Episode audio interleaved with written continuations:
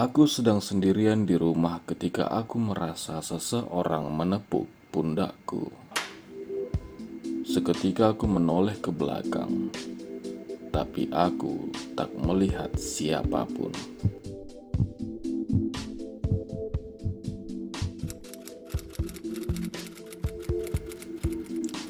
Saat itu, aku sedang duduk memandangi laptop.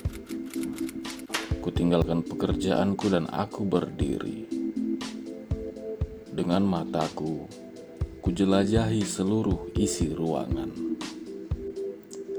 Kamar itu persis bagaimana keadaannya sehari-hari, dan tak ada satupun yang asing dari ingatanku. Buku-buku masih bergeletakan di satu sudut lantai. Tempat tidur tidak sepenuhnya selesai dirapikan. Tirai jendela berayun-ayun kecil diembus angin perlahan dari jendela yang kubuka sedikit. Hanya dengung pendingin ruangan yang kudengar.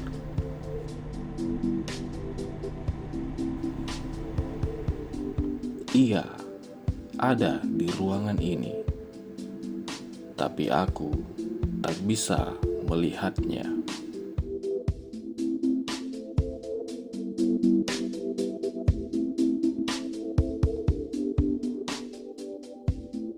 Setelah beberapa saat berdiri dan memandangi sekitar, seolah sebuah sapaan dan tanda bahwa aku tahu kamu ada di sini, aku kembali duduk dan menghadapi layar laptopku. Tapi tepukan tadi membuatku tak bisa bekerja. Tanpa daya, aku berjalan ke kulkas untuk mengambil kaleng soda di ruang tamu.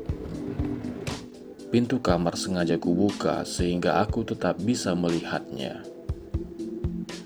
Aku duduk di sofa, menyesap soda, dan bertingkah bagaikan aku sedang menunggu seseorang. Awalnya aku hendak menyalakan televisi, tapi segera kuurungkan. Itu akan mengganggu pertemuan kami, pikirku.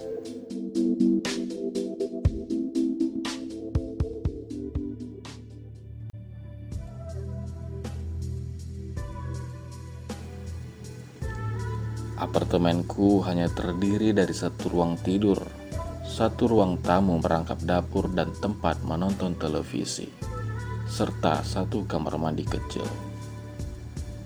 Dari sofa tempat aku duduk, aku praktis bisa melihat seluruh tempat. Di bagian-bagian tertentu, di dinding, kugantung cermin besar. Ada empat cermin seperti itu membuatku bisa melihat ke bagian-bagian yang tak bisa kulihat langsung. Bagaikan aku memata-matai sesuatu yang aku sendiri tidak tahu apa.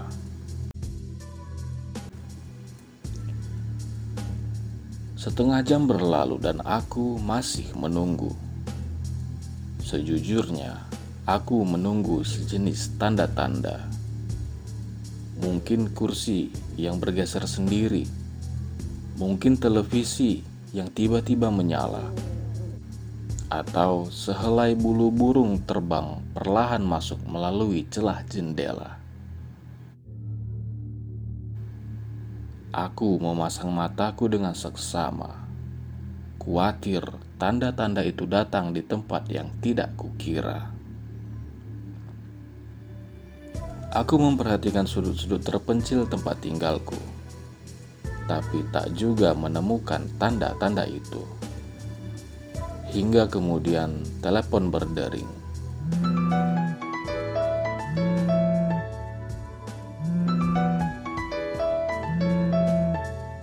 Mungkinkah itu tanda yang kutunggu?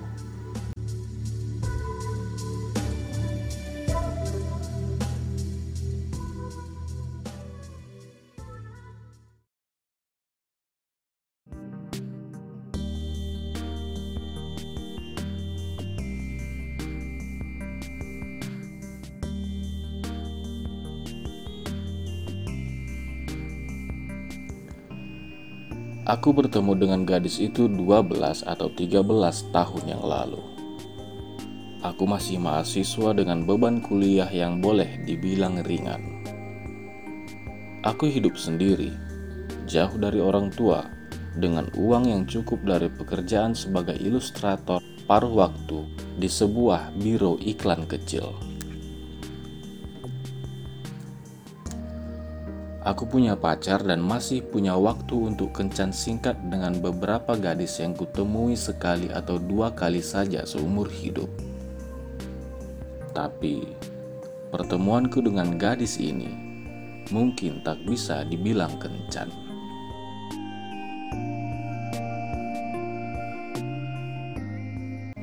Inamia Namanya seperti nama perempuan di puisi Khairil Anwar Awalnya, aku mengira hanya akan bertemu sekali saja.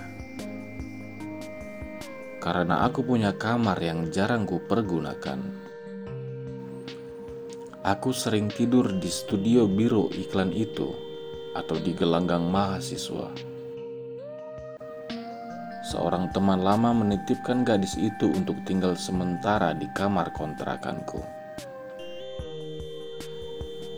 Aku tahu kamarmu bisa ditinggali perempuan, sebab aku pernah menginap di kamarmu dan induk semangmu tak terlalu peduli.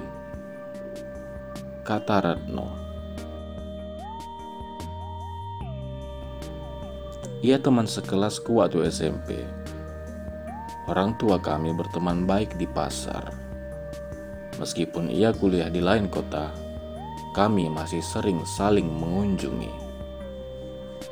Ayahnya selalu bertanya kepadaku jika ia memperoleh masalah. Dan ibuku akan bertanya kepadanya jika aku pergi tanpa kabar.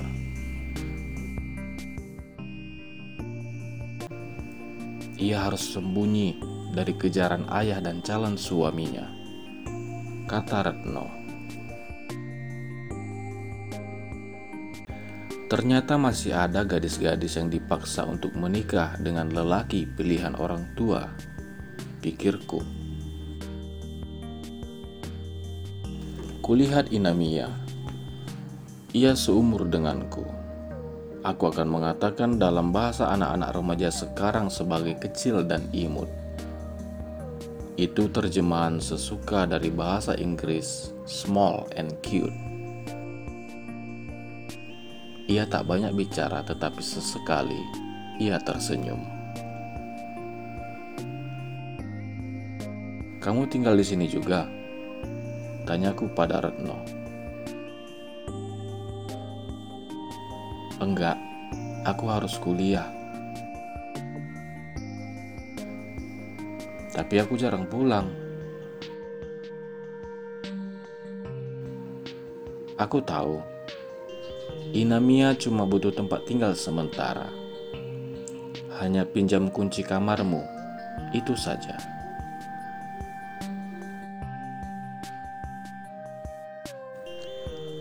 Itu saja.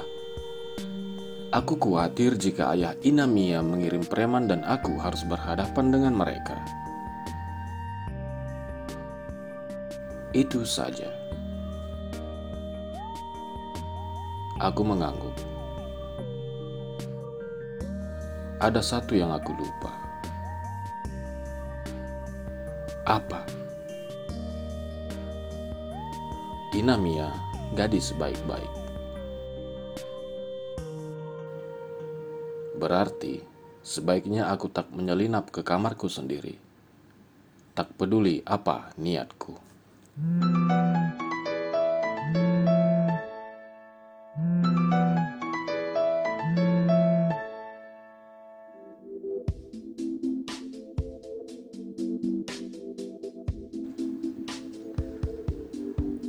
Aku mengangkat telepon. Bukan telepon penting. Seorang teman mengajukan aplikasi kartu kredit dan menulis namaku sebagai orang yang tidak tinggal serumah dan bisa dihubungi. Kujawab semua pertanyaan petugas bank dan kembali ke sofa selepas itu. kaleng soda di tanganku sudah kosong. Setelah lama menunggu, akhirnya aku berdiri. Kuhirup udara seolah-olah aku ingin memasukkan seluruh udara di dalam ruangan ke dalam tubuhku. Dan siapa pun yang bersembunyi di balik udara akan terisap dan mendekat ke arahku. Kubayangkan bahwa ia memang benar-benar terisap dan sekarang tengah bersandar ke tubuhku. Aku mencoba membayangkan seperti apa rasanya. Kembali ke kamar, keadaan masih sebagaimana semula. Akhirnya aku naik ke tempat tidur dan menelungkup dengan kepala ku benamkan ke bantal. Kubiarkan diriku dalam keadaan seperti itu tanpa peduli aku tak bisa melihat apa pun di sekelilingku. Entah kenapa, akhir-akhir ini, ia sesuatu yang selalu hadir saat aku sendirian lebih sulit kurasakan keberadaannya jika kuinginkan. Ia datang sesuka-sukanya saja. Seperti tadi, ia menepuk bahuku saat aku sedang menghadapi laptop. Setelah itu, ia bagaikan meninggalkanku benar-benar sendirian.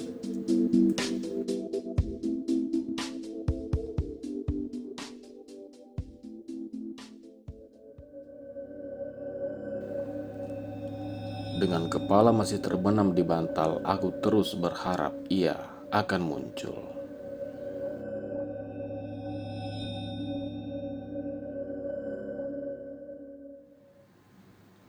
Tiba-tiba, aku merasa seseorang duduk, kemudian merebahkan diri di atas tempat tidur di sampingku.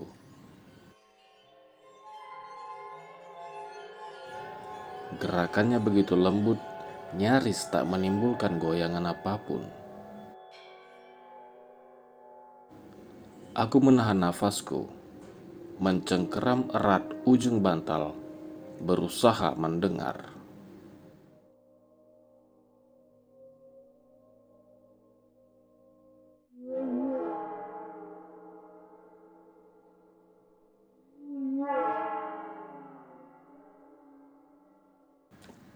Ia berada di sampingku, tak mau mengganggu.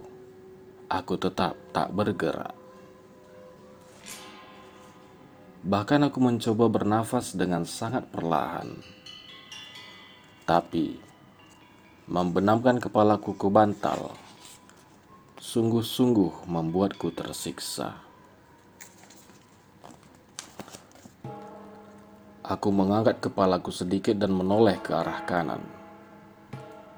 Ia berada di sisi kiriku dan kini aku membelakanginya.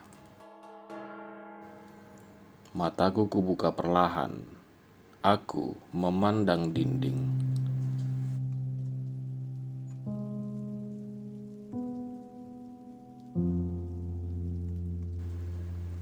Kupejamkan kembali mataku dan kubayangkan apa yang dilakukannya di balik punggungku. Mungkin ia berbaring telentang. Mungkin ia sedang memandangiku. Aku merasakan seembus napas menerpa punggungku.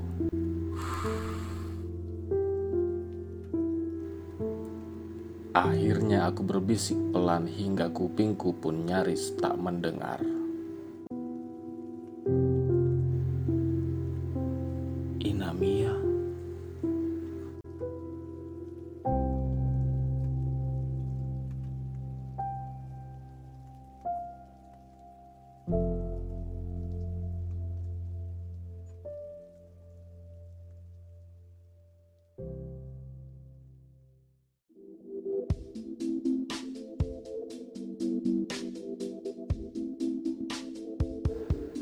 Pacarku datang ke kamar kontrakanku dan menemukan Inamia di sana.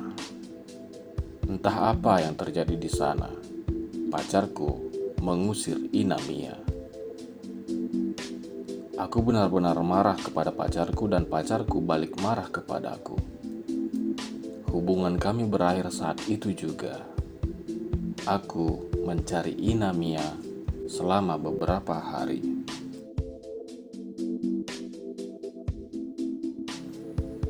Aku bahkan tak berani memberitahu Retno keadaan tersebut.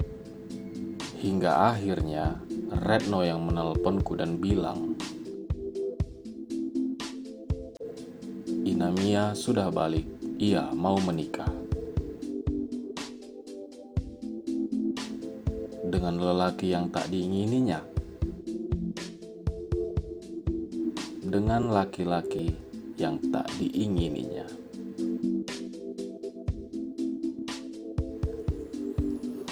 Sungguh, itu sama sekali tak membuatku lega. Aku kembali ke kamar kontrakanku dan berbaring di tempat tidur yang kugeletakkan begitu saja di lantai. Aku ingat selama beberapa hari Inamia pernah tidur di tempat yang sama. Masih bisa aku ingat tatapan matanya di pertemuan singkat kami, juga senyumnya. Iya, begitu. Ku ingat-ingat istilah yang kupakai, kecil dan imut.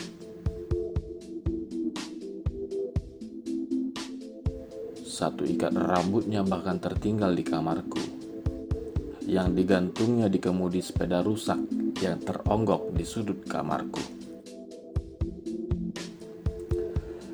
Entah kenapa tiba-tiba aku merasa merindukannya. Aku menelpon Retno dan meminta nomor telepon rumah Inamia. Mau ngapain? Tanya Retno khawatir. Aku cuma mau minta maaf.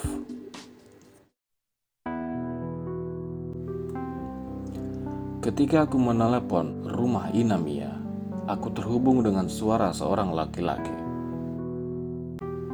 Aku langsung berpikir itu ayahnya. Ia akan langsung menutup telepon jika aku bilang bahwa aku adalah teman Inamia yang menampungnya dalam pelarian.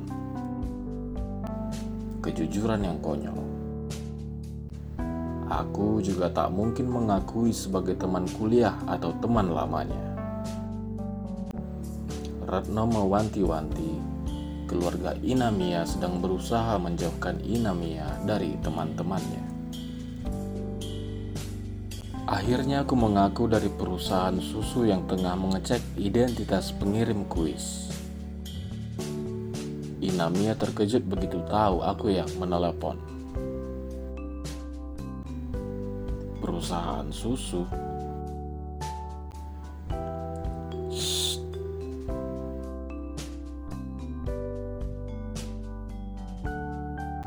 Bisa kurasakan betapa senangnya ia aku telepon. Meskipun bisa dikata kami tak mengenal apa pun satu sama lain.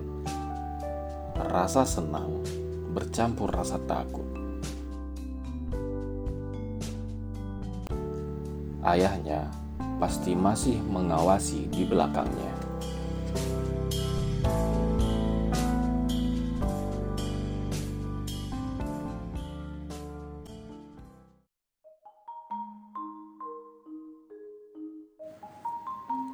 Aku minta maaf soal mantan pacarku. Aku mencarimu ke mana-mana. Tidak masalah, Pak. Aku memang suka meminum susu. Perempuan membutuhkan banyak kalsium. Begitu aku baca di majalah.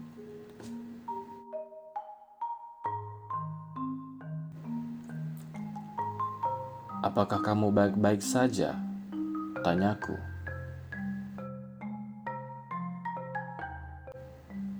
Karena rajin minum susu, aku sangat sehat.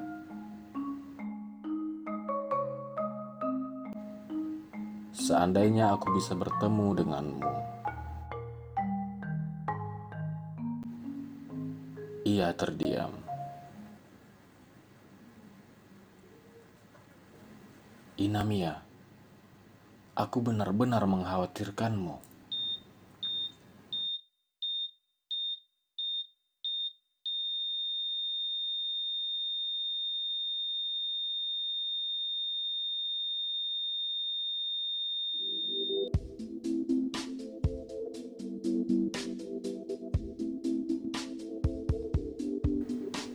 Ia berasal dari luar Jawa. Tak perlu kukatakan dari pulau yang mana. Di Indonesia, kadang-kadang hal ini sesederhana Jawa dan luar Jawa. Ia akhirnya menikah dengan laki-laki yang tak diinginkannya. Jika ada waktu dan aku punya banyak uang untuk membayar tagihan telepon, aku menelponnya. Ia selalu senang menerima teleponku, dan aku juga senang. Aku tahu ia tak bahagia, maka aku selalu berusaha untuk menghiburnya. Tentu saja setiap kali menelpon aku selalu menyiapkan dalil-dalil penuh tipu muslihat. Kadang-kadang aku pura-pura sebagai tukang tagih listrik. Lain kali, aku menyuruh gadis penjaga warung telepon untuk mencarinya sebentar sebelum kugantikan. Kadang-kadang, aku juga mengiriminya novel-novel populer yang kubungkus dengan koran. Di koran itu, kutandai huruf-huruf tertentu dengan ballpoint sehingga jika ia membacanya berurutan, akan menjadi surat konyol. Ia bilang, ia sering tertawa membaca suratku dan sangat berterima kasih.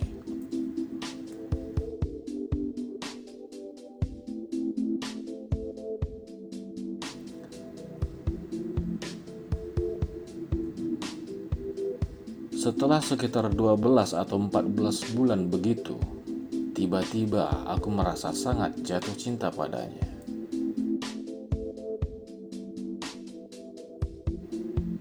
Bolehkah aku bertemu denganmu? Kau mau datang kemari? Kenapa tidak? Bulan depan kuliahku tamat, dan aku punya cukup tabungan untuk sedikit berkeliaran. Suamiku gak akan suka. Suaranya agak ketakutan. Tapi akhirnya kami sepakat akan bertemu. Aku tahu ia juga merindukanku. Dengan cemas, ia mencoba mengatur pertemuan kami. Ia akan mencarikanku penginapan. Ia punya rutinitas pergi ke pasar untuk belanja, dan di sela-sela itu, ia memastikan akan mampir ke penginapanku. Ia tak bisa berlama-lama menemuiku.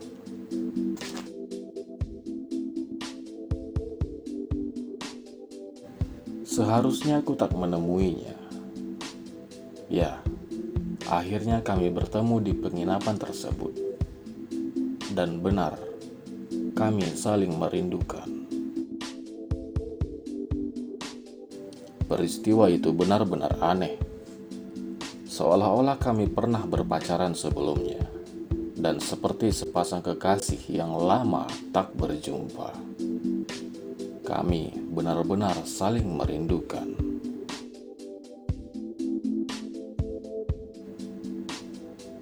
Hanya satu jam kurang, tapi itu siang terindah yang kumiliki. Esoknya, aku tak bertemu dengannya meskipun ia telah berjanji. Sebab malam setelah pertemuan kami, suaminya menghajar Inamia Ia tewas dengan memar di kepala dan tangan kiri patah. Aku sendiri dikejar empat orang preman dan nyaris mati.